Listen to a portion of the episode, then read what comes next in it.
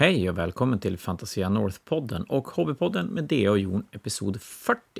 Jag heter Dea och ikväll har jag inte med mig Jon för att förra veckan så snackade vi Fanatic-historia med Daniel Tarander och det tyckte i alla fall jag var superkul att minnas tillbaka till saker som har varit. Så att eh, ah, jag tänker att vi kör en vecka till så att eh, vi tar och hälsar Daniel välkommen.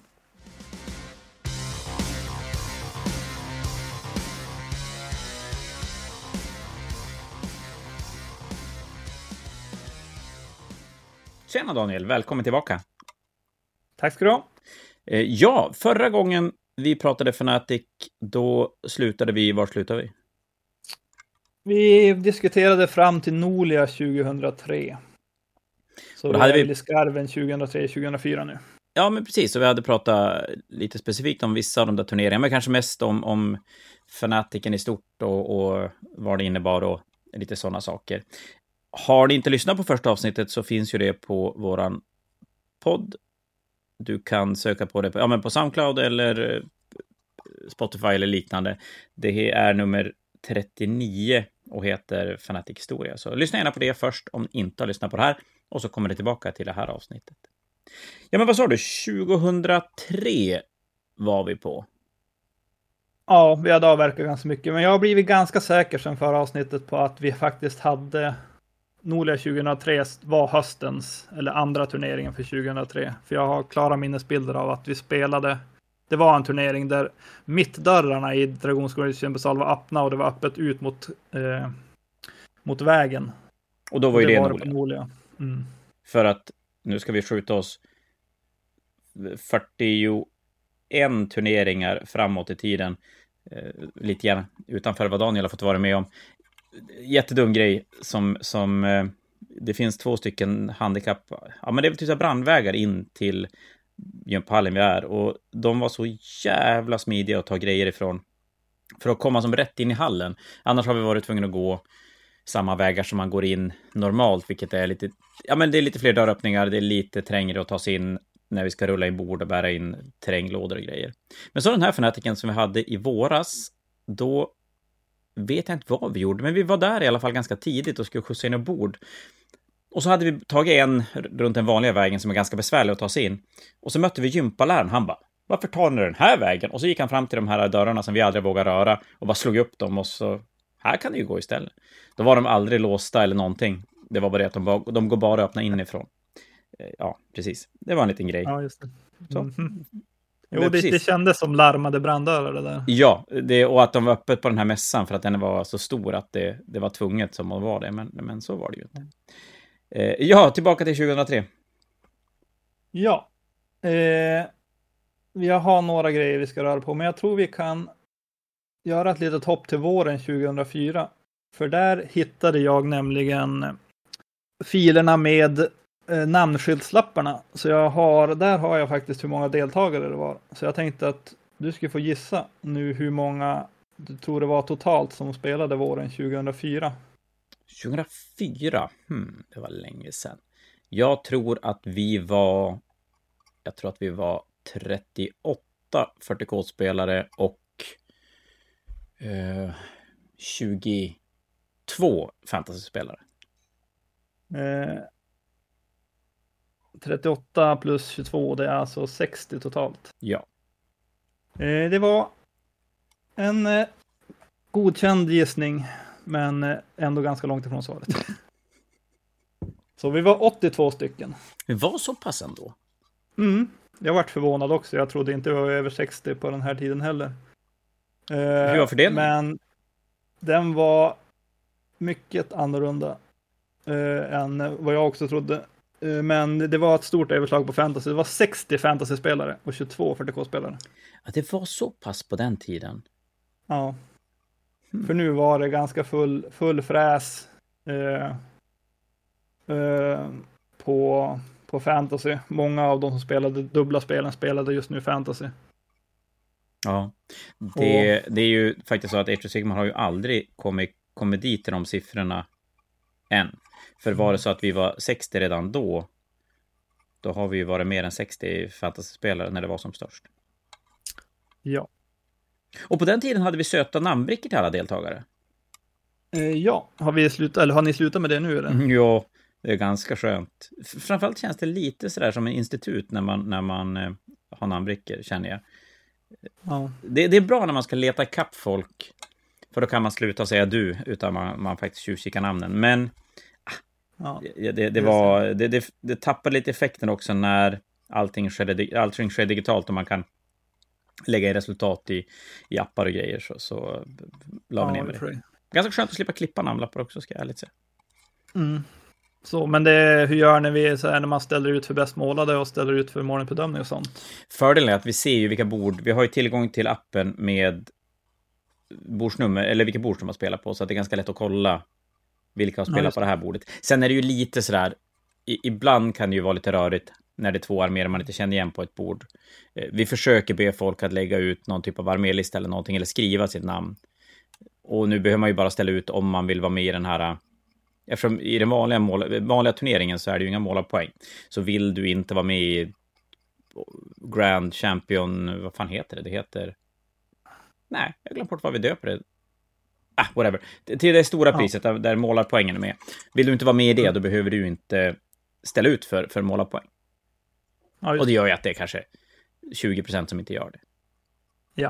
Ja, men det är ju som sagt det är lätt att läsa. Har man bordsnamn eller bordsnumren, bordslistan tillgänglig så är det lätt att bara Ja, kolla vilka absolut. mer. Ja, men det, det, funkar, det funkar helt okej. Så, men apropå namnlappar så kommer jag på en till detalj som jag tror jag måste dra. Och det var ju det här turneringsprogrammet vi fick. Jag är ganska säker på att vi fick det när vi hade första tävlingen eh, i i Dragonskolans gymnastiksal, för då var det en svensk outrider-kille som kom upp, som jag tror la in det här programmet på din dator, din arbetsdator. Ja, men det känns bekant.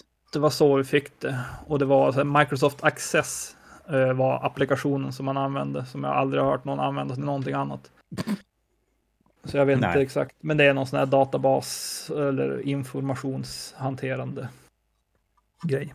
Hur som helst, så han la in den och så visade han mig under turneringen. Han hjälpte mig med att hålla, arrangera och använda programmet och visa hur det funkar, hur man la upp, la upp runder och hur det lottades och sådär. Så den turneringen flöt på bra.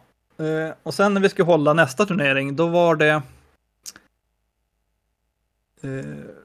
Hade det här programmet hade en så här randomize-funktion så att du kunde slumpa första rundan. Så vi tänkte det var ju smidigt. Så vi, då, för då kan vi kolla på morgonen vilka som inte kommer, så plockar vi bort dem och så lottar vi. Så lottar vi inte in några som inte, som inte dyker upp. Så vi gjorde det och så körde vi randomize och det funkar bra. Och så skrev vi ut den matchlistan och så satte vi upp dem på väggarna. Och så började folk spela. Och sen efter ett tag så kom folk, många kom så här. Jag fick möta en, och han heter samma sak som jag. Och så kom det nog fler och så sa de det också så här. Och, och vad vi inte visste då, eh, som vi fick reda på oss lite senare, eller som vi tog reda på senare, var att det här slumpfunktionen i det här programmet gjorde i princip så att den tog spelaren som var först inlagd i systemet och pärlade den mot spelaren som var sist inlagd i systemet. Och sen tog han spelaren som var inlagd tvåa mot den som var inlagd trea och så fyran mot femman och så vidare. Det var i grova drag hur den gjorde. Den kan ha slumpat någon match mer random än så, men nästan o, eh, utan fel så hade den gjort så. Vilket gjorde då att Adam fick möta Örjan, Anders Agdal fick möta Anders Brager och så vidare. Och så vidare. Det var typ en Swiss-lottning fast efter namn istället. Ja, typ. Eh, och det hade ju faktiskt funkat bra om vi hade kanske lagt in spelarna efter efter hur de i ordning de anmälde sig eller någonting så hade det ju förmodligen aldrig märkts. Men just eftersom vi på den tiden tog alla anmälda, sorterade dem i bokstavsordning efter förnamn. Vi hade skrivit in dem i Excel då. Eh, så att den gick på förnamn för att få en incheckningslista. Jag tror inte vi hade namnbricka i alla första tävlingarna utan vi hade bara någon vi checkade av dem i dörren. Och så att då låg ju, la jag in dem i programmet i, i bokstavsordning då på förnamnet. Eh, så, men vi, vi sa att ah, det måste ha blivit någon, någonting konstigt med, med slump, slumpningen eller någonting och att det är ju en form av slump att köra efter, efter i namnordning också. Så att det, det var ju okej. Det var ju som ingen som egentligen brydde sig. Det var bara en rolig grej så. Men jag tänker mig, har vi inte haft den, för sen, det, vi kommer ju komma till det, till vårt andra dataprogram som vi använder senare, men hade vi inte lite grann samma sak med den också, att det var vissa spelare som alltid fick möta varandra första matchen. Så någonstans så, så, var ju slumpen inte riktigt en slump. Men där har jag ingen, jag har ingen, jag bara så här känsla av att det var några som kom och sa att de, det var som att de, jag vet inte om de ja. tänkte på det själv, men att det, det var de alltid fick möta varandra. Men jag vet inte. Mm. Det... Ja, alltså, min jag det var att eh, vi kollade aldrig på första turneringen varför det hade blivit som det blev. Och jag tror inte vi tänkte på det nästa gång, för jag tror vi gjorde samma sak nästa turnering. Att vi, vi väntade, eh, Swiss, eller körde randomize-funktionen och satte upp rundan. För som jag minns det så började det komma folk då och bara, eh, du jag fick möta exakt samma som jag fick möta förra gången. I första rundan. Och han var ju trevlig och så, men jag skulle gärna vilja möta någon annan i första rundan. Så vi bara, oj då. Och då, jag tror det var då vi upptäckte det. Och det, det som jag minns det så gick vi snabbt ut då och sen vi tog varsitt spel och så gick vi ut och så kastade vi bara om folk som hade hamnat mot samma som förra gången. Vi bara pekade på två personer och så fick de byta plats. Så minns jag det.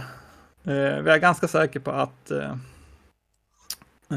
på att vi gjorde den, den typen av lottning två gånger. Sen började jag, minns jag att vi aktivt började, jag slumpmässigt satt bara och klickade ut eh, matcherna på fredag kväll istället. Och så kom det inte någon så löste vi det genom att para ihop eh, de som inte hade fått en motståndare i runda ett. Ja, när, när det inte är jätte, jätte, jättestort, nu är det klart 80 stycken är ju, det är ju stort, helt klart. Det men, är ju stort. Men, men även, kanske även egentligen om det är stort, så är det ganska enkelt att göra sådana där förändringar, för man har så pass lång tid på sig från det att den förändringen görs till att den faktiskt måste in i systemet. Ja, det är det som är smidigt med de här tävlingarna. Man har ganska mycket tid på sig att göra göra administrativt arbete under matchernas gång eftersom det är så långa spelomgångar. Det, det är så intressant, för det, vissa, under vissa perioder under turneringen gör man ju fan ingenting. Då sitter man ju bara och alltså, det känns som att man har all tid i världen. Men sen är det ju mm. periodvis under turneringen då man får jobba arslet av sig för att hinna med med det man ska göra. Ja. Jag minns det var, det var någon gång också av de här första turneringarna då allting gick, allting gick fel.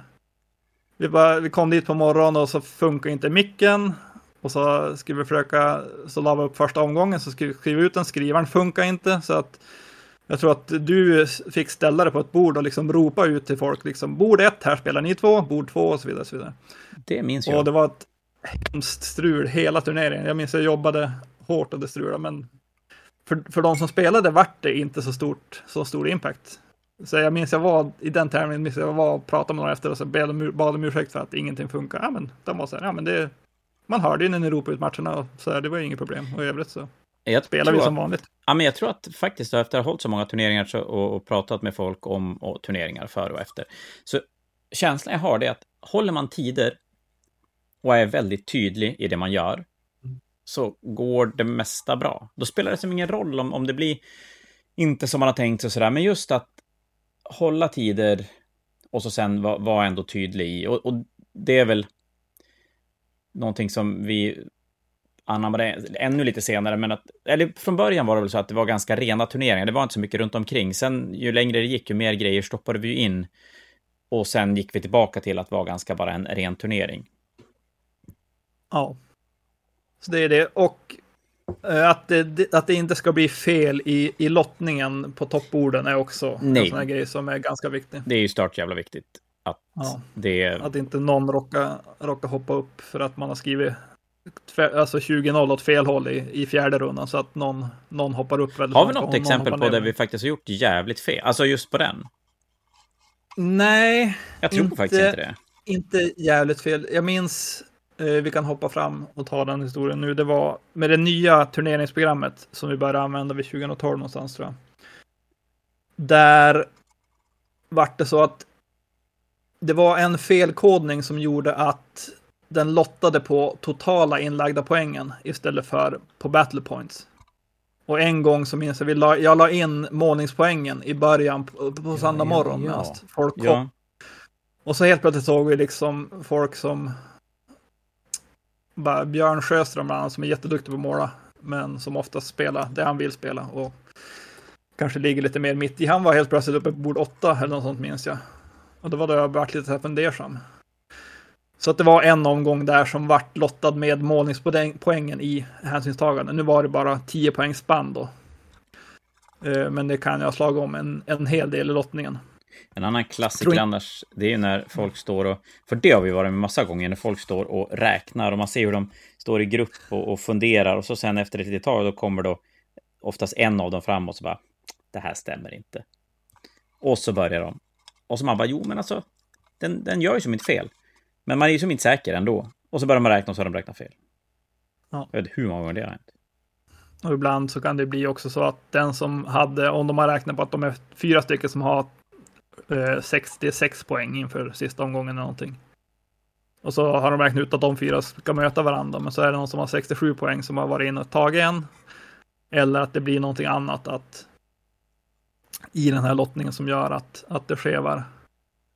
Ja, det, blir, det är ju Ja. ganska mycket att ta hänsyn till när det kommer just till den ska para upp och den ska para ner och att folk ska inte möta varandra och, och det gör ju att det kan... Det är ju som bara de högst, absolut högst upp som är ganska klara på vilka de ska möta.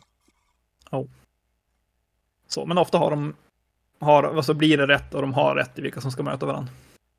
Ja, och det är väl egentligen en ganska... Nu är inte jag någon datahacker, eh, dataprogrammerare, men jag gissar att grunden i sånt där program är fan inte rocket science. Eh, nej, man ska nog ha en hel del koll. Eller veta hur de här, alltså C++ eller modellerna Ja, precis, som man jag kan att- använda upp, uppbyggda moduler. Men du måste ju ha. Man måste ha koll men jag tänker att har man det så känns det inte som att det är så avancerad programmering för att få ett lottningsprogram att funka. Nej, det är det nog inte. Eh, ja, precis. Så tänkte jag, jag ska göra en snabb sammanfattning nu. Vad jag tror, vad jag har räknat på är vad som ledde till den, den förlorade fanatiken. Enda gången som vi har hoppat över en fanatic i våran halvåriga historia. Om vi kan kalla det för halvåriga historia, men att, att vi har spelat två per år. Nej, vad det? Vad kom du fram till? som sagt, den enda jag inte kan hitta ett spår efter, det är våren 2005. Och det är ju, vi är ju säkra på att vi har hoppat en, så att det borde vara där. Och det jag tror hände då var att vi körde våren 2001 och sen var vi på Nolia eh, 2001 i augusti då. Och sen då på våren 2002 vet jag inte hur många vi var, men jag har för mig att första var ändå ganska lyckad. Eh, jämfört med hur stora de var 2001. Eh, och sen hade vi då en på hösten 2002 och en på våren 2003 som jag känner var liknande eller mindre. Och sen kom Nolia 2003, ganska nära in på vårens tävling då. Och den var ju lite mindre för att det var lite bökigare att köra en två dagars på Nolia. Och vi körde den på veckan som jag minns det. Och sen gick det här, precis som från 2001 till våren 2002, så från Nolia 2003 till våren 2004 så gick det då 9-10 månader innan det var turnering igen. Och nu var vi 82. Och sen på hösten 2004 så gissar jag att vi var mindre. Jag, som, jag vill att, minnas... att vi där någonstans kände att sex månaders mellanrum kanske inte är det kanske är för lite för att folk ska känna hypen. Och att, för vi ville väl att Fanatiken skulle vara liksom en turnering som, som, man, som man ville fara på, man ville inte missa den. Nej, men precis. Jag, jag tror att det är precis som du säger, att vi var på, på turneringen innan, vad var vi då? Våren 2005, sa du det? Det var hösten 2005 vi inte hade. Eh, våren 2005 hade vi inte. Okej, så hösten 2004 var vi precis... Nej, vänta nu. Våren 2004, då var det precis sådär att nu måste vi kanske ha två hallar. För Ja, vi- alltså då- 82, det började, då började det bli trångt och Ja, kvavt i men den där exakt. hallen. Och då, då, då är jag lite så lur på att kan det vara så att vi bestämde att vi bokade två hallar på hösten 2004, men att den blev jätteliten. För jag kommer ihåg det så tydligt att det var verkligen så här, det var, det var som ingen som kom och jag tror att vi droppade otroligt mycket från då våren till hösten och då tog vi beslutet att nej, men som du säger att det blir för lite möjligt att hypa upp turneringen med ett halvår emellan. Så då Mm. skippar vi våren 2005. Men sen då hösten 2005, den fullständigt exploderar och då tar vi två hallar för att den blir så stor. Tar vi två hallar då? Eller var det kanske gången efter? För jag vet att ganska snabbt efter vi bara körde en så, så blev det, för det var verkligen att det gick från, från, alltså det som bara tvärdog en turnering och så sen bara superexploderade till efter det. Men, men det kan ha varit att det var en till turnering då att vi, vi hade en hall och sen nästa gången efter det så blev det två hallar. Det ska jag inte säga någonting om. Okej, för jag, jag vet när vi körde två hallar första gången När och det är mycket längre fram. är det det? Ja, Ja, då får jag inte ihop det här. Kan det vara fler Nej. tillfällen vi hade bara en turnering? Nej, du hade... vi, vi, vi körde aldrig, nej, alltså jag, jag tror inte det. För jag vet att vi diskuterade det här med två hallar, men vi, vi var lite brydda om att då blir det ju som två olika områden för att vi, vi på den tiden tror jag, tyckte jag att vi kände att det var vi, vi, kunde, vi fick inte öppna, öppna mitten på hallarna för att det gick inte att ta bort skiljeväggen utan att skruva ner och plocka bort eh, basketkorgarna. Ja, just det. Men då kanske det bara var Yes. känslan av att, att vi blev... Det, inte att vi hade dubbla hallar, men att det verkligen var så att det gick från att vara jättefå och vi tog beslutet att bara köra en gång per år och så sen då gången efter så blev det jätte, jättestort. Och efter det då Mm. rullade vi på med två per år och det funkade ju som bra. Ja, som jag minns det så, så vi, vi tog beslutet 2004 att nu, nu hoppar vi en. Men sen kom våren och folk var så här, ja men vad länge det är till nästa Fnatic, det här, det här är ju inte något roligt. Mm. Eh, så då tror jag vi, jag tror vi kände redan under våren att, att vi måste nog hålla två per år. Att en, en blir för lite, även om två kanske just då kändes för mycket. Eh, men sen, sen har vi ju rullat på sen, sen hösten 2005 med, med turneringar två gånger per år. Ja, underlaget, för det är väl så att turneringarna har ju inte blivit superduper mycket större från, jag menar det är fortfarande, vad sa vi, 2004 var vi 80 spelare. Ja, Och 2022 var vi, nu i och för sig pandemin har ju slagit, alltså den har ju rört till det ganska rejält, men före pandemin så var vi 100, 140 kanske totalt. Och det är ju inte, alltså det är ju fler, men det är ju ändå fortfarande en 20-årsperiod som det har vuxit. Skillnaden nu mot då, det är att nu har man en, en större pool av spelare att ta av, så det är fler som kan låta bli att komma om man blir många. Jag, på den tiden var man ganska känslig mot att fel personer inte kunde komma och då, då försvann det. Då, ja, det fanns det som inga som ersatte dem. Ja. Ja, som sagt, vi har tyvärr inte kvar eh, deltagarantalet förrän 2007 började vi ha bra siffror på det. Så jag vet inte riktigt, men jag tror att det svajade här mellan förmodligen mellan 40 och 80 under 2004 till 2006. Ja, men det skulle jag kunna tänka mig. Så, men det var våren 2004 och jag tror att tävlingen fortfarande var ganska, ganska basic. Vi hade inte börjat hitta på allt för mycket stora grejer. Eh, Men sen, vad minns du vad som hände sommaren 2004? Nej, ingen aning. Eh, Då kom fjärde editionens 40K. Åh, Battle for Skull. Nej, Battle for Skull, för dum i huvudet. Assault on Black Reach måste ha varit. Var det Ja, ja. jag tror det. Macragg, var det? Nej, Macragge. Ja, ja, gud ja. Det är ju. Är det. Black and Reach, det är femte. Det är med orker och, Space Marines. Ja, Så precis. tyrannider och Space Marines. Eh, och fjärde editionen var ju egentligen påverkade inte tävlingen jättemycket för att den var bakåtkompatibel med alla tredje editionskodexar och Mm. Det var väl egentligen, de touchade väl mest upp en del regler och gjorde lite förändringar på Week eller som jag minns rätt.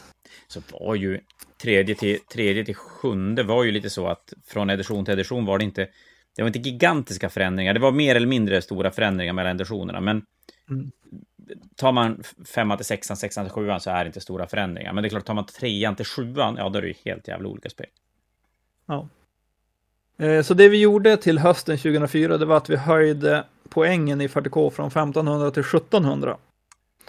Och det här gjorde väl lite grann att vi kände, jag vet inte om det hade så mycket med fjärde editionen att göra egentligen, att det, det skedde samtidigt, men det var väl ett bra läge tyckte vi att höja, för vi kände att det, var, det fanns plats för en eller två enheter till i alla arméer utan att det var trångt på borden. Och jag tror också att vi ville synka tidstabellerna lite grann. Eller göra så att 40K tog lite längre tid för att 1500 poäng 40K mot 2000 poäng fantasy var inte riktigt optimalt och vi ville inte dela tidsschemana. Vi har ju testat det där med att ha spel som inte har samma tidsschema som... Ja, det är ju en mardröm. Ja. Det blir, det blir rörigt och Ja, bökigt när man ska ropa ut. Ja. Nu är det snart slut på matchtid och så här försöka hålla det så att folk vet vad som gäller för vilken turnering. Eller vilken del av. Nej, då är det faktiskt skönt att ha samma.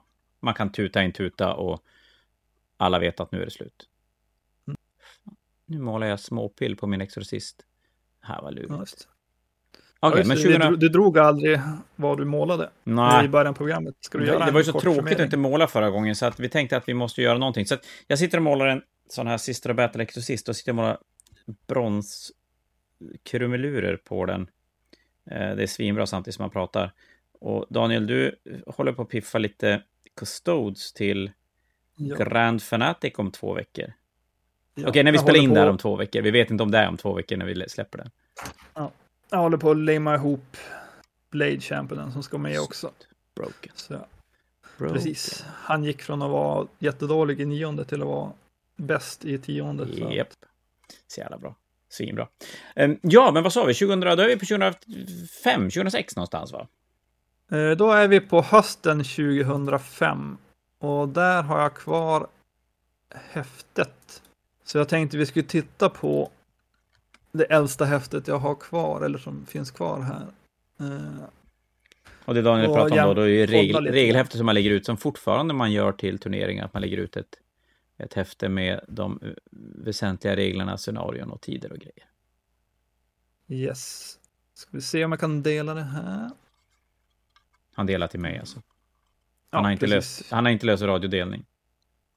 Jobba på tycker jag. Nej, snyggt. Det är väldigt likt det vi har nu. Precis. Upplägget är lite Nej, det vi hade tidigare. Vi har precis gjort om det ganska rejält. Men... Ja, just det. Eh, men det, det första man slås av det är att vi här fortfarande kallar det för Fanatic-turnering och inte Fantasia Fanatic. Så tydligen hade vi inte bytt namn på den än. Nej, I det kan fall... inte ha gjort. Och det var 2006 där då? Det var hösten 2005, oktober. Jävligt intressant att veta när Fantasia Fanatic blev en grej. Jag trodde det var mycket tidigare. Jag trodde det också, men tydligen inte. För Nej, här också. Vi kallar det för Välkommen till Umeå Fanatic 2005. Står det här. Så att det ja, var nej, fortfarande det, här att, att det byggde på det här Fanatic-konceptet och att vi kallar det för en Fanatic-turnering på grund av det. Och hade inte riktigt etablerat in Fantasia Fanatic i det. det Undrar om det kan vara så att det här programmet som jag var med i fortfarande var igång under den här tiden och det var därför det var Fanatic. Kanske. Jag vet inte. Det är möjligt. Och sen är det den vanliga texten om vad man ska ha med sig och hur man räknar. Och här, enligt det här häftet, så körde vi sex matcher. Vi körde fyra på dag ett och två matcher på dag två. Det kan varit ett test då. Jag tror faktiskt att det är ett, det är nog ett test. test. Ja, precis. Och, vi kör, och så har vi kört det en gång till, vet jag, i, i senare också. Men jag tror inte det flög någon av gångerna. Nej. Och här hade vi då gått ner till en skala på 0 till 40 målningspoäng. Uh, och jag tror att det fortfarande var 40, att det kunde skilja 40 poäng mellan de målade arméerna i värsta fall. Kanske att alla, alla arméer som ändå var målade fick, fick någonting. Ja, vi var fan jävligt hård på målningen alltså. Ja. Oh. För er som haft mindre snygga arméer på fanatiken under årens gång så kan jag ärligt säga att ibland har jag varit brutalt ärlig med vad jag tycker om arméerna. Men bara så Daniel har hört. Ingen annan. Jo, det kunde, det kunde vara lite speciella konversationer där på natten mellan lördag och söndag. Vi hade. Man blev också, det var också det här att man, man blev lite less på att se folk som hade samma armé liksom fem år i rad. Ja, framförallt... nu har vi den här armén igen. Ja, på ett sätt var det ju lite skönt, framförallt de fula arméerna som dök upp om och om igen. Men man blev ju lite irriterad, framförallt de som hade gjort sam, alltså något så här dumt, dum grej som gjorde att man tyckte att det var fult och man, de fick sämre poäng. Och, och så var det oftast en sån lätt grej att fixa och så sen kom de tillbaka år efter år. Men jag, en armé jag minns väldigt, väldigt tydligt som alltid dyker upp och nu kommer jag inte ihåg vem det, vem det var som hade den och hörde du här så det var länge sedan. Det är no hard feelings. Men det var en dvärgar med i gamla fantasy som hade vita baser, alltså snöbaser. Och så hade han, jag vet inte om det var gult gräs på dem kanske. Problemet är att det här gula gräset ser ut som kissfläckar. Ja, just det, så var det. Och, och den, den kommer jag aldrig att glömma och den, den hängde med väldigt, väldigt många år på, på ja. fanatiken. Och det, blev, det var så man kom fram och så, det var Kiss-dvärgarna och så gick man vidare. På tal om baser, jag minns också det var någon, jag vet inte vad han hade försökt göra. Men det såg ut som, som han hade lagt klickar, eller strängar och klickar med trälim som av någon anledning inte hade torkat igenom helt. Så det, det såg verkligen ut som han hade spritsat sina baser med, ja, sin egen säd. Om man kan kalla det det. Det, det, var... det, är väl, det är väl det det skulle kunna heta. Det kommer jag inte... Ja. Hur fan kan jag inte komma ihåg det? Det är helt orimligt. Nej, jag, jag, jag kommer ihåg alla dumma saker, men, men inga ja. vettiga saker. Det, eh, nej, men det är klart, och det har ju passerats fruktansvärt många arméer. Och det ska ju sägas att det har ju varit väldigt, väldigt mycket snygga arméer också. Och, och Det har ju som inte varit... Ja, men jag tror mest att man, man blev lite besviken på vissa och tycker att det krävs väldigt lite för att göra det bättre, men det är ju svårt. Är man ingen målare så är det ju svårt att veta vad man ska göra för att det ska bli just, men bli bättre. Så hade vi 30 poäng arméhanteringspoäng som vi kallar det. Och det är väl inget konstigt. Det är 10 poäng för att lämna in armélistan. 10 poäng för Visevig och 10 poäng för arméuppställningen då. Jag var lite förvånad. Jag minns inte att vi började med arméuppställning så här tidigt. Men det var folk som ville ha, som var där och tittade och som ville komma och titta på arméer, som ville ha en, ett läge att få titta på alla arméer och inte bara de som var bäst painted när de stod uppställda snyggt. Så redan då, här hade vi 10 poäng för att man skulle på lunchen dag ett ställa upp sin armé. Så att man fick titta på dem och fota och sådär. Egentligen kan man ju säga att de här 30 poängen, det var ju som att man fick poäng för att skriva på sitt namn på ett prov i skolan. Det var ju ja. ingenting du kunde misslyckas med om du inte var sämst. Så armélistan ska in i tid, ingen snack. Eh, ställa upp sin armé, ja som du säger, det var ju för att man ska kunna titta på armén och det kan ju alla göra, så det är ju inga konstigheter heller. Vysuvyggen, ja det skulle väl vara Vysuvyggen i och för sig. Ja, men, precis men... där. Mm, vi hade ju då, som vi, som vi gjorde så hade vi stegen 0 poäng, 7 poäng eller 10 poäng. Och 7 poäng så länge alla vapen. Och sånt. Allt som är viktigt stämde.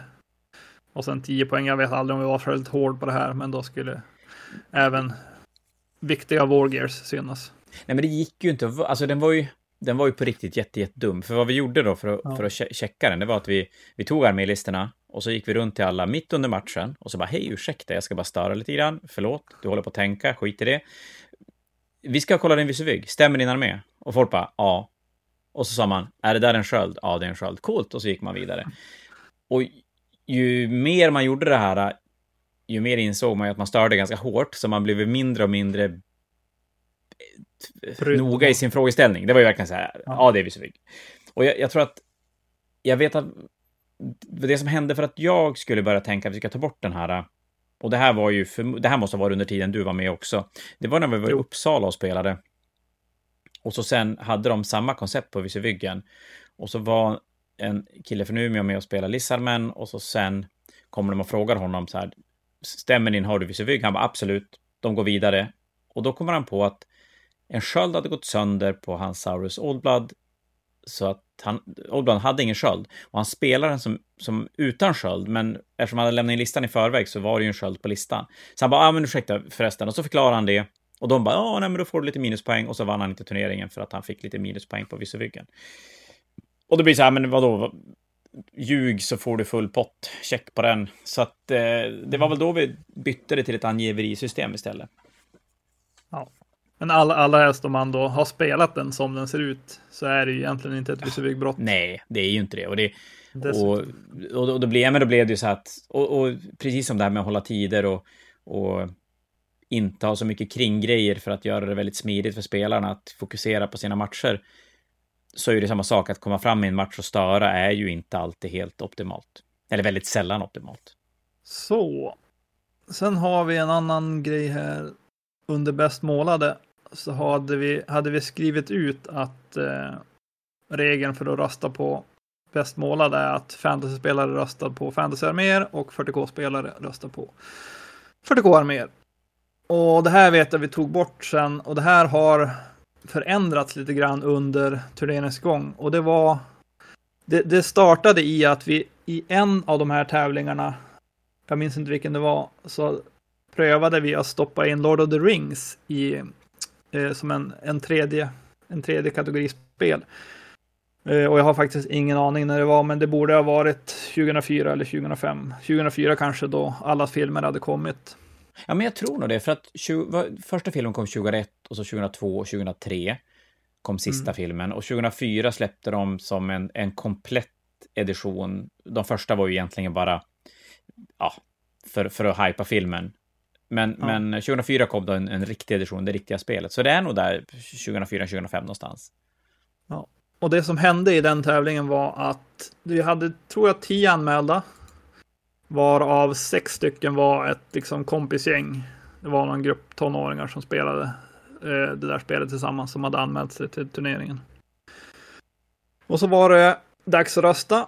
Och då var de ju bara tio stycken som skulle rösta på, eh, på Lord of the Rings. Och då var det så att en av spelarna som inte var med i den här kompisgruppen var den som vad vi, jag och Andreas då tyckte var den klart snyggaste armén. Han, han var duktig på att måla, han som spelade. Eh, det var Hoveberg va? Det var Hoveberg. Ja, visst var det? Det var Jon, ja, ja det var jo, Jon Hoveberg. Ja, men det stämmer. Ja. Eh, men det som vi såg sen när de röstade var att en av de här i kompisgruppen hade fått sex av sex, eller fått sex röster. Så att de hade förmodligen gjort så att de, de la alla sina sex röster på en av deras spelares arméer. Eh, jag, kan, jag can't blame them really. priset. Uh, Ursäkta, vad sa du? I can't blame them. Nej, nej, det är ju... Men kom du ihåg, var du med, var du med i Uppsala när, när ja, skitsamma, jag vann Best in Show, eh, eller Best Painted eller vad det hette på den tiden. Men då var det samma sak, då var vi typ så tio pers som kom från Umeå. Och så var vi två arméer, vi, vi hade med två arméer som var uttagen. Och så då, då klunsade vi vem som skulle få alla Umeå-röster. Jag vann klunsen, fick tio extra röster. Mm. Ja, enkelt. Precis. Ja. Så, men det, det som, så det vi gjorde var att vi, vi, tog, vi pratade med Johan innan prisutdelningen och sa vad som förmodligen hade hänt, så han skulle veta om det i alla fall. Och han, var, han, ja, han kom och sa efteråt att han var, han var glad att vi sa det så att han visste, visste mm. läget. Så, men ja, det var det och sen, sen tror jag att det var det där att vi, vi röstade på att vi gjorde en gruppröstning när vi var till Uppsala som gjorde att vi började fundera på om det inte är bättre att försöka eliminera den grejen lite grann. Ja, det är klart, ju fler röster du har, ju mindre påverkar ja. ju en kompis skara som röstar. Precis, men det första vi gjorde, eh, vad jag minns, det var ju att vi gjorde så att fantasy-spelarna fick rösta på 40K och 40K-spelarna fick rösta på fantasy. Vet du så jävla dum idé det är? alltså helt otroligt puckat. Det, det kändes som ett bra sätt att göra, göra röstningen mer, vad ska man säga, ne, ne, alltså Oberoende. Göra domarna mer neutrala så att säga. Ja, men ja, det var inte en bra idé. Och vi fick ju direkt mycket kritik från de som tycker att ja, men jag spelar fantasy, jag spelar inte 40K. Jag tycker om fantasy, jag tycker inte om 40K. Och det här var det tråkigaste jag varit med om när jag skulle rösta på en 40K-armé. Jag vill inte ens titta på dem, typ. Nej, men det, det var inte alla så, men, men många, många, var ju så att jag, jag, vill, jag vill rösta på mitt spel. Och det var ju, för er som spelar nu och inte spelade på den tiden, så var ju alltså segregationen mellan 40K och fantasyspelare var ju periodvis gigantisk. Alltså det var ju verkligen så här, jag hatar fantasy. Jag hatar 40K och det går ju helt, det går inte att förstå varför du spelar. Eh, sen att vi leker med, med plast-barbies allihopa, det är ju sådär, ja. Men, men då var det extremt periodvis. Eh, så att ja. nej, det var, det var en ganska, vad ska man kalla det, en taktlös förändring från våran sida. Så som jag minns det så bytte vi tillbaka och sen till slut fick vi den varför inte. Vi låter folk rösta på båda. Och vi uppmuntrar folk till att rösta på båda. Och sen räknar vi alla röster som kommer in oavsett om de har röstat på ett av spelen eller två spelen. Och det har ju funkat absolut bäst. Jag tror, tror, att det är både ett sätt att få bort kompisröster för att man har inte så mycket kompisar. Mm. Och nu, framförallt numera, men även mot slutet av de här 31 så blev ju kvaliteten i båda spelen höjdes ju så mycket så att det var ju roligt för många att titta på arméer från båda sidor och plus att det blev vanligare och vanligare med spelare som spelade båda spelen. Och nu, nu är ju också, sen, sen Age of Sigma kom så har ju spelen blivit lite mer liknande när båda är Absolut. runda baser, skirmish-spel. Absolut. Eh, spelen var ju väldigt olika, fantasy och 40K. Ja, det var ju estetiken i var ju... Jag tror att egentligen först när 40K-spelare började uppskatta fantasy ordentligt, det var när Unit Fillers och grejer blev, blev som en grej. För att då var, det, då var alla fantasyarméer som stod uppställda var bäst i en show var ju som dioraman alltihop och det blev ju stört jävla mäktigt. Och det gjorde Ja. ju att fantasyarméer egentligen stack ut och, och var typ snyggare än vad 40K-arméer var.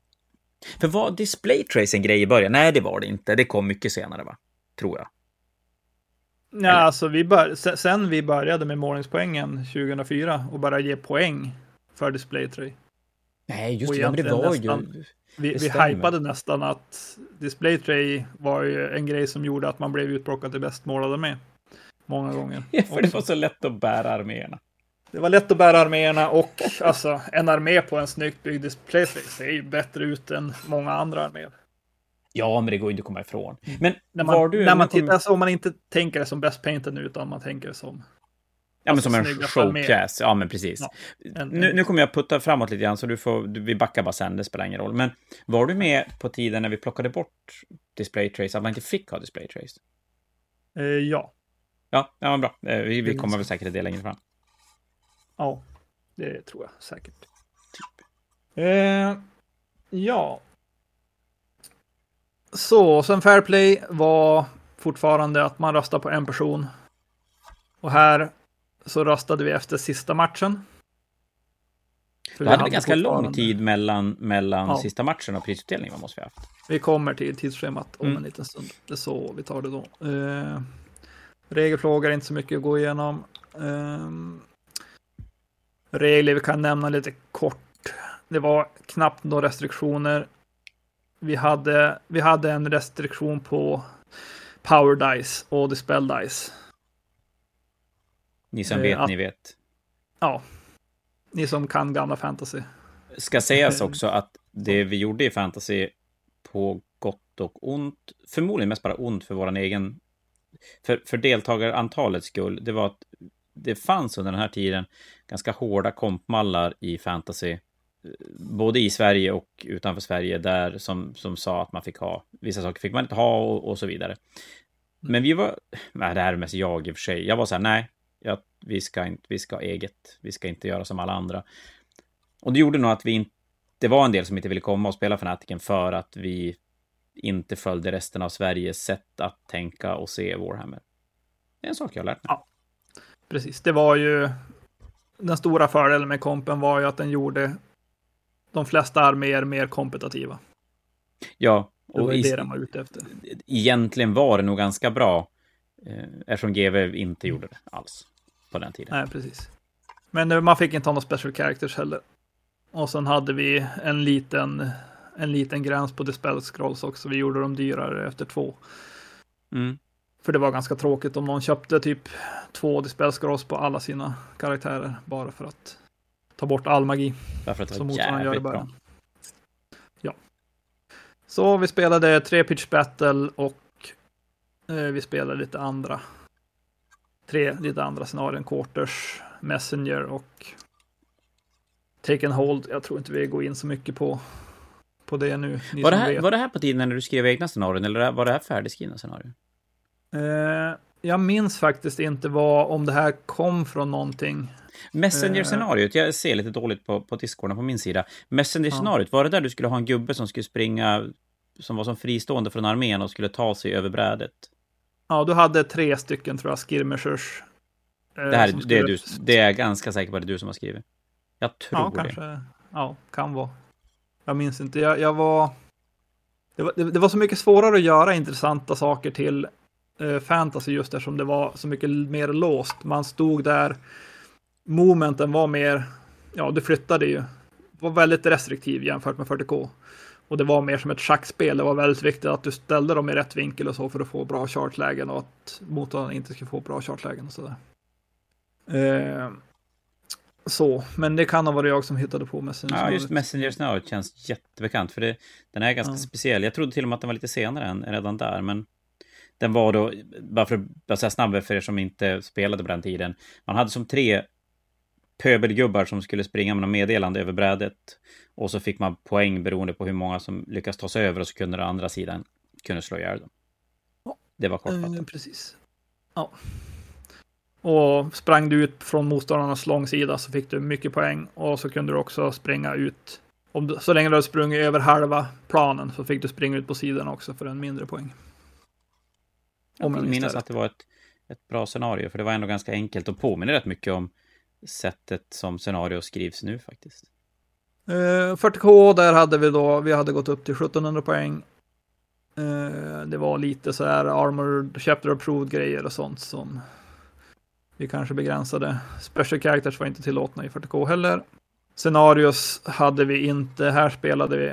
Det här kan vara, jag minns inte, jag kanske hade börjat göra scenarion till 40K innan det här, men jag tror att när en ny edition kom så var det ganska mycket så att jag tror att det var du som var väldigt inne på att då ska vi pröva spela som GW har gjort spelet.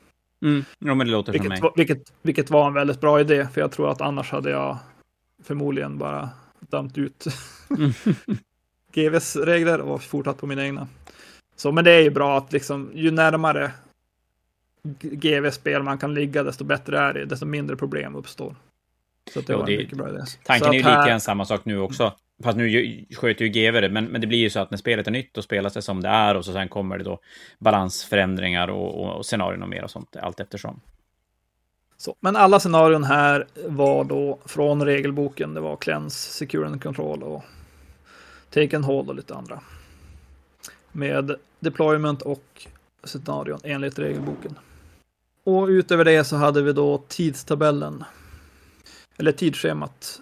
Och här var vi inte, hade vi inte, efter, dels för att vi körde fyra, eh, sex matcher, så vi ska in fyra på söndagen, så, nej, på lördagen. Så har vi alltså bara två och en halv timme på, på första matchen och två timmar och en kvart på de övriga matcherna på lördagen. Och det ska ju sägas då att det är ju fruktansvärt tajt med tid. Och jag tror att, om inte jag missminner mig, så på den här tiden så var det få matcher som blev färdigspelade under satt tid. Ja. Så... Också en intressant grej hur, hur man inte bara löste det med mer tid. För det tog ganska lång tid innan vi började se till att det fanns tillräckligt mycket tid. Ja, så vi gick ner på fem matcher, men jag tror att vi slutade ganska tidigt, eller ganska, alltså vi slutade tidigare istället för att lägga det mer på matchtider. Ja, men det var, det var ju som att man hade bestämt att det är klart man ska hinna på två och en halv timme. Folk gjorde mm. inte det och då var det istället för att börja fundera på varför gör de inte det, då är det så här, men folk är dåliga. Ja. Lite hårdraget, men, men lite så. Jag, många saker hade väl jag i alla fall lite det tankesättet, även om det föränd man förändrade ju saker, men det var inte så att det blev något, kanske alltid snabba förändringar. Och sen eh, kommer vi in på söndagen och då hade vi två och en halv timme på båda matcher sista dagen. Och en och en halv timmes lunch för att hinna med röstning bäst målad armé. Och sen hade vi 45 minuters eftermiddagspaus då folk bara fick sitta och rulla tummarna utanför lokalen. för att vi skulle hinna göra allting. Var, var, tömde vi lokalen på den tiden också? Jajamän, de fick sitta i korridoren. På tal om dumma idéer. Matsalen. Ja. Nej, det var inte optimalt. Nej. Det var Nej. ganska kallt i korridoren också som jag minns det. Alla är på, ja, på höst, Ja, ja gud ja. Den, den stod ju öppen rakt ut och så var det som en så här, eller är det ju typ en vindtunnel är det. Ja. Vi så, tog ut alla skulle... för att vi skulle skriva diplom och grejer. Ja. Och inte nog med att vi skulle skriva diplom, men vi skulle sätta in dem i glasramar också. Alltså, Tror det var någon som hängde upp den där på väggen? Nej, ja, Fredrik Seising. Eh, jag gillar dig Fredrik, du gillar diplom, jag vet. Men ja. vilken... Men här är också lite så här saker som man... Vi bestämmer att det här, det här är en bra idé, det här ska vi göra. Men ganska tondöv till att ta in vad folk det hade ju varit väldigt lätt att fråga vad, vad folk tyckte. Var det en buckla eller var det en bättre idé? För jag vet så jävla stressad vi var när man skulle då sprätta upp de här diplomen och skriva under och så skulle man skriva rätt och, och handsvetten ja. sprutar. Alltså, äh. jag tycker egentligen inte diplom i sig var inte en jättedålig idé. Om man bara skriver namn på dem och så ger man den som ett papper så kan ju folk ha det i en pärm eller någonting man tycker är roligt att spara så man ser vilken, vilka ja. turneringar man har kommit högt på sådär. Men just att vi ska ha in den i en glasram. För det, jag minns säga... inte att, att vi fick så mycket kritik, eller klagomål på det. Jag tror det var mer bara att folk, alltså, folk la, gjorde, använde bara ramen till något annat eller slängde bort den. Typ. Ja, men jag tänker det att de tog emot den, det var lite kul att få den där. Det var ju fula det blå. Det, det, jag har ju, ärligt är det ju först sista året jag har börjat lära mig Photoshop eller liknande program, så att det var ju väldigt tråkiga diplom, var det. Var det det? Ja, det, det, alltså det var ju, det var ju oftast en snygg bild. Jag vet att Björn hade ju ritat bilder som jag använde, men det var ju ändå svartvitt. Så att, ja. Det det var ju inte jättemäktigt var det inte. Nej. Men det, jag vet inte, ibland kanske det enkla blir bra ändå. Eller mest, folk bryr sig nog inte. Jag tror faktiskt att det är så. Eller var det att vi skrev ut dem i svart, ja, de blev svartvita och hade ingen färgskrivare. Ja, så kan det Kanske vara var det. också. Ja, men, men, eh, och det är väl så att även när man har bucklor och grejer nu, väldigt få kanske ställer upp dem i ett prisskåp. Ja. Vi gjorde ju några, eh, några utvärderingar där vi hade en sån här, alltså en skala. Från, alltså en 10-gradig skala där ena sidan var, där frågan var vad vill du, vad ser du hellre som pris? Och den ena sidan var stor buckla och andra sidan var ja, men, figurer för, Mm. pengar, för, för pengar då istället. Kommer du ihåg vad folk svarade på det? Nej, inte rakt upp och ner. Jag skulle kunna göra en, efter en liten forskning till något senare program och se om nu- har vi gjort, jag har inte gjort någon, nå- den typen av frågeställningar, men jag har alltid frågat runt folk. Så att jag kanske har frågat typ 10% av alla deltagare vad de skulle tycka. Men eh, generellt sett är det ju så här, hellre en pokal av någon typ än grejer. Men det, Ja. Det är väl också så för att, att klientellet har ju blivit ganska annorlunda. Jag menar när vi höll de här turneringarna 2003, 4, 5. Då var det ju, det var typ ingen över 30. Kanske någon. Ja. Kommer du ihåg när, när Morgan, Martin och Björn skapade laget 30 plus? Det var ju när vi började med lag. Vi kommer ju komma till det. ja, det. Men, men då var det ett av gängen som... Så, jag fyller år om 50 minuter, så att jag fick en present av min fru som jag ska öppna sen ikväll. Eh, Ja, vad sa vi? Jo, just det, lag, vi, vi kommer komma till lagtävling, för det här är ju, det vet jag att du brinner för hela det lag, och det, det var väldigt lyckat under period. Men i alla fall, så när vi hade lag så var det ett gäng som, som eh, döpte sitt lag till 30 plus. Och de gjorde som en grej ganska ofta under helgen att de gjorde en sån Åh, 30 plus! Och då var ju de typ tre av sex stycken som var över 30. Ja, kan ha varit så. Så är det inte nu kan jag säga. Eh, nu är ju de som var med i det 30 plus-laget är 47 och 50. Och jag vet att, ja men ni har ju förstått att vi, var i, vi är i en gympahall i en gymnasieskola. Och för förra fanatiken skulle vi ha tillgång till nätverket på skolan. Och jag bara så här, men det, nu ska vi hitta en gymnasieelev som spelar så jag kan sno deras lösenord. Och så, och så inser jag att det är typ två grabbar som är 15, så de går inte gymnasiet än. Och sen eh, näst yngsta är 22. Man bara, okej. Så att, eh, eh, jag vet inte varför jag kom in på det här nu. Det hade någonting att göra med, jo, diplom och grejer. Ja, och jag tror att de flesta anser att nu kan man köpa det man vill ha. Så då vill man hellre ha en buckla. Då kanske det var lite mer att man, man oh, jag fick en låda med för tusen spänn, coolt. Nej, jag, jag tror att det var, jag tror att det var ganska, om jag minns rätt så tror jag det var ganska så här 50-50. Vissa ville ha bucklor och vissa ville ha grejer. Mm. Eh, och vissa var någonstans mitt emellan. Eh, men jag kan se om jag hittar någon info om det. Och så en sak till som är häftigt som jag tänkte säga men som vi gick förbi. Och det var att vi hade en quiz som var värd 20 poäng. Så att under den här tiden. Den var med till totalturnerings... Ja, men det är klart, vi hade ju målarpoängen där också. Ja, så quizen var med. Eh, men som sagt, quizarna var bättre än eh, det jag gav exempel på i, i förra avsnittet. nu, nu är det mer så här liksom, hur mycket procent av din moment fick du använda eh, till att pivotta i fan, gamla fantasy då? Fick du använda, var det 50 procent, 75 procent eller 100 procent? Och det Ja, kan var ju det- vara en grej som, som är bra att veta. Alltså, Ja, men nu var det mer rena regelfrågor, eller hur? Det var mycket mer rena regelfrågor och så här, räkna ut kombat och jag gjorde diagram där man skulle visa. Man fick se. Det kommer att bli en charge mellan de här två enheterna. Vad är korrekta charge-uppställningar så var det lite olika diagram på olika uppställningar. Då, så ska man säga vilka som var regelrätta och inte. Och det är ju ändå saker som, Ja, som, gud ja. som, som är vettigt att ge poäng för. Sen, sen är det ju också en gräns där, alltså, det räcker ju oftast med att du vet regeln så pass så att du kan slå upp den om den är aktuell. Ja, Eh, mer men- än att du ska kunna hela regelboken utan till. precis. Och det ska ju sägas att det här är ju väldigt, alltså vi pratar 2005, smartphones är Mm. ju inte en grej. Nej. Så att det var ju inte bara att googla, det är ju väldigt mycket svårare nu för de som är duktiga på att googla är ju en annan femma och jag, jag tror att det, det finns det var, och det var framförallt i fantasy det var lättare att skriva den här typen av, av ganska komplexa spelinteraktioner. För det har ju GW tagit bort. Det är ju inte så längre. Man, man har ju inte de här, jag chargear sidan. Vadå, du säger chargear sidan, fronten, eh, jag har BSB och baner, två ranker, jada, jada, jada. Och så, så ska man Mm. räkna ut slutresultatet. Nej, det. Men jag tror att känslan jag har det är att vara quizza, eftersom vi hade som satt redan tidigt konceptet att turneringen var hela alltihop. Det var målning, det var, det var spel. Och i det här fallet var det ju egentligen bra att vi inte tog in åsikter utifrån, för då tror jag att inte vi, då tror jag inte vi hade hållit kvar det här. Om vi hade lyssnat väldigt mycket på folk. Mm. Eh, Utan vi Hur är det ju... nu? Kör ni quiz till eh, Grand Fan- alltså totala Grand Fanatiken? Nej, det gör vi inte. Vi...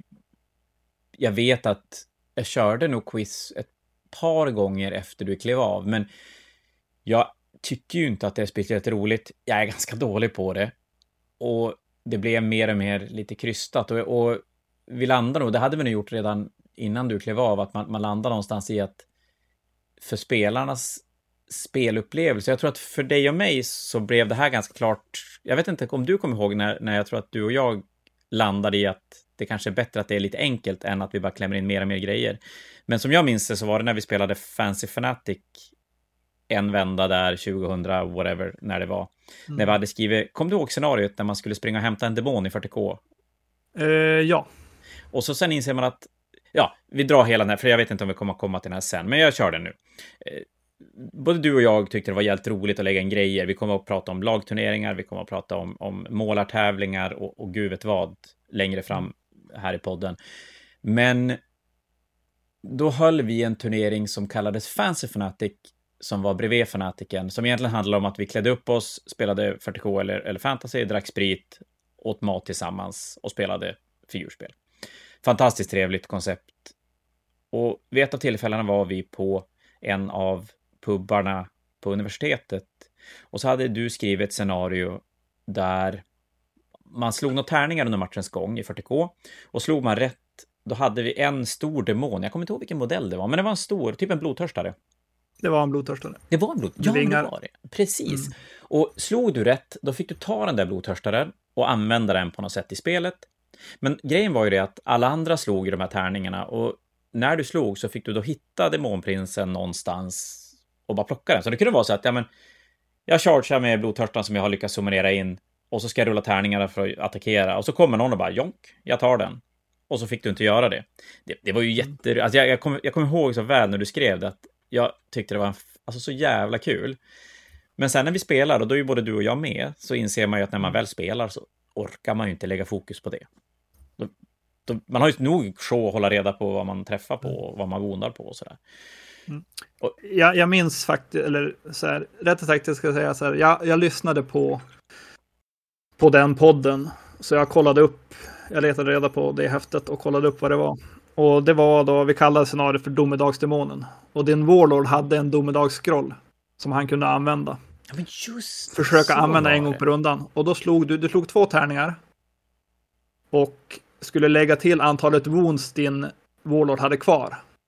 Och slog du lägre än 10. Eh, då, då dog din Warlord och så fick du hämta och ställa ut eh, den här domedagsdemonen just istället. Då. Och det, det stora problemet, jag tyckte det var en ganska bra idé. Jag tror alla sprang och hämtade den när man väl gjorde det där för att den var så pass bra, domedagsdemonen. Den var våldsam. Men man ville ju som egentligen inte göra det för risken var ju att du bara fick ha den i två minuter så kom någon och tog den igen. Ja. Det, och, och, ni har ju, ni och som lyssnar på det här. så, Mm. Ja, Så var det också så att om du slog exakt 10, eh, då vart det din Warlord ett spån istället. Mm. Eh, Så. Men det var ju, det, hela den turneringen var ju en mer, det var tänkt att det skulle vara som en rolig grej. Alla scenarion hade någonting så här wacky i sig. Det var en parturnering också, så att man spelade i par. Och då var det ett scenario där man, vi hade den lilla, lilla blasten gled omkring på bordet. Den skattrade 2D6 varje runda och touchade en enhet. Då söks en enhet in i vortexen och spånade hos din lagkamrat på andra bordet exakt på samma ställe som den stod på ditt bord. Så en väldigt wacky grej som kunde göra saker väldigt Du och jag spelade tillsammans på den här, va? Visst gjorde vi det? Den spelade du och jag tillsammans, Ja. yes. Alltså, och eh, som jag tror att ni alla som lyssnar på det här inser hur jävla kul det här var. Och det var det ju, för det är ju kokstokigt Ja. och det passade väldigt bra i det konceptet, turneringskonceptet. Men jag vet att för mig blev det, när jag spelade där, för man skrev ju ofta så inte, eller var delaktig i det, men, men spelade inte med reglerna själv. Men då inser man att när man själv spelar, så i alla fall när man inte spelar så mycket, så är det så himla mycket regler att hålla koll på i övrigt, att ju Mm. svårare scenariot blir, ju jobbigare blir själva spelupplevelsen. Och även om, om det händer mycket grejer runt omkring. Men, men som sagt, det Det, kommer det roligare längre med det där, eh, just den, den där turneringen, det var för mig, alltså det vart beviset för mig själv också. Grejen på att någonting kan vara jätte, jätte, en idé kan vara sjukt bra, den kan vara jätteväl genomförd, men den funkar ändå inte av någon anledning. Nej. För att de där scenarierna, de var jättebra skrivna. Jag är Ja. sjukt nöjd med dem. Mm. Och för att varje gång, men för det är det så att det är ju, man ska hålla reda på reglerna till spelet och sen när det är, alla matcher är ett, ett unikt scenario som aldrig har spelats i någon form tidigare. Det, det är vitt skilda scenarion. Och det var ganska tidspressat schema. Vi hade typ två timmars matcher för 1250 poäng. Så man hinner som inte med och kolla reglerna. För varje gång det var poängräkning så kollade jag hur man gjorde poängräkningen. Det var inte avancerat, det var väldigt lätt att förstå och det var sjukt smart. Jag minns just det här scenariot när enheten bytte bord. Det var någonting med det så jag bara, åh gud vad smart det var när jag skrev det här. Men det spelar ingen roll för jag kommer inte ihåg det. Alltså man kommer inte ihåg, man hade inte koll, man hann inte hålla koll på scenariot. Eh, Nej. Så att det är mycket sånt där som man måste inse att, som sagt, för mycket detaljer blir en röra. Ja, och, det, och just det här, man, man tid, och, och det blir lite alltså att de som bryr sig om själva spelet och att vinna, och, och då pratar vi inte då fancy fanatic utan vanliga fanatiken, de vill ju hålla det så, så clean som möjligt för att kunna fokusera på att spela bra. Och de som är där och spelar sin femte match för året kanske, ja, de har ju nog så att komma ihåg eh, vad BS var för någonting. Och som du säger, att, att det blir en ganska liten klick som kan njuta av en, ett sånt där ja, scenario med mycket extra regler. Men eh, det går inte att komma ifrån att när man sitter hemma och, och diskuterar det, och jag tror att mer än jag som lyssnar på det här blir ganska pepp när man hör just det här demonscenariot. Det var ju så, det var ju så jävla coolt. Men, eh, och, och hela det här kommer nog tillbaka till, till fanatiken sen, att vi, vi, vi kommer gå, och det kommer vi prata om, att vi kommer gå igenom en ganska lång period av väldigt mycket grejer till att vi sakta men säkert strömlinjeformar konceptet mer och mer och mer tills vart det är idag. Mm. Daniel, hur många år har vi tagit oss nu? Nu har vi avverkat två år till, så att nu ska vi snart Snyggt. börja på 2006. Och då tänker jag att två år per timme, det blir skitbra, för då har vi ju jättemånga Fnatic-avsnitt att prata om. För att nu har vi suttit här och snackat Fnatic en timme och jag tror att det är ganska precis, ganska lagom. Som ni förstår, folk där ute, så tycker jag och, jag och Daniel att det här är jätte- jätteroligt. Eh, Det här nämnde jag i förra avsnittet också. Vi kommer fortsätta tycka att det här är jätteroligt. Eh, Jag hoppas att ni tycker det är lite roligt att lyssna på. Och det kommer att komma mer. Jag, jag tänker mig att målningen kommer att ta ett helt eget avsnitt eh, med Best in Show, för då har vi så mycket anekdoter att, att täcka av, så att det blir bara sånt. Och nu, jag måste säga det också, en liten teaser för det som komma skall. Det är nu år 2006 är inte jättemycket detaljer. Men år, våren 2007, då gick vi bananas och gjorde om hela scenario, he- hela konceptet nästan. Vi ändrade allt möjligt. Införde lagtävlingen och Började den då? började med, ja den började då, det var Nice. första gången. Och eh, vi körde två delade armélistor, det är också en grej som vi måste diskutera. Åh jävlar. Du, det var inte så att vi testade en sak i taget? Nej, Och vi gjorde ett helt nytt scenariokoncept som vi också ska gå igenom. Så att det blir spännande. Jag hoppas att folk ah. tycker att det blir spännande att lyssna på också. Ja, men det tror jag. Det, den, den här tvådelade armélistegrejen är ju faktiskt någonting som stöts och blöts lite fram och tillbaka i turneringsform nu också. Jag tror inte det används ofta, men det, det pratas väldigt mycket om att det skulle vara en, en bra idé. Jag, jag tror att det kommer mycket av Magic-sidan och sideboard och grejer, så att äh, det blir skitspännande. Men du, Daniel, det här blir ju hur kul som helst. Tack för ikväll och som vanligt, alla ni som har lyssnat på oss, det är jättekul att ni gör det. Eh, har ni funderingar eller framförallt har ni frågor eller åsikter? Heter det så? Ja, det gör det. Mm. Vill ni tycka till? Skriv gärna till oss. Eh, ni kan nå oss på sociala medier, eh, Instagram, Facebook. Ni kan även mejla på info.fantasianorth.com. Jag läser allt som skrivs. Jag försöker svara på mycket av det också. Men allting läs och tas i åtanke och det är jättekul att höra vad ni tycker. Men eftersom det är jag och Daniel som pratar så kanske vi inte bryr oss och ändrar, men, men det är roligt att läsa. Så eh, tack för ikväll allihopa. Vi hörs igen om en vecka. Hej då! Ha det gott!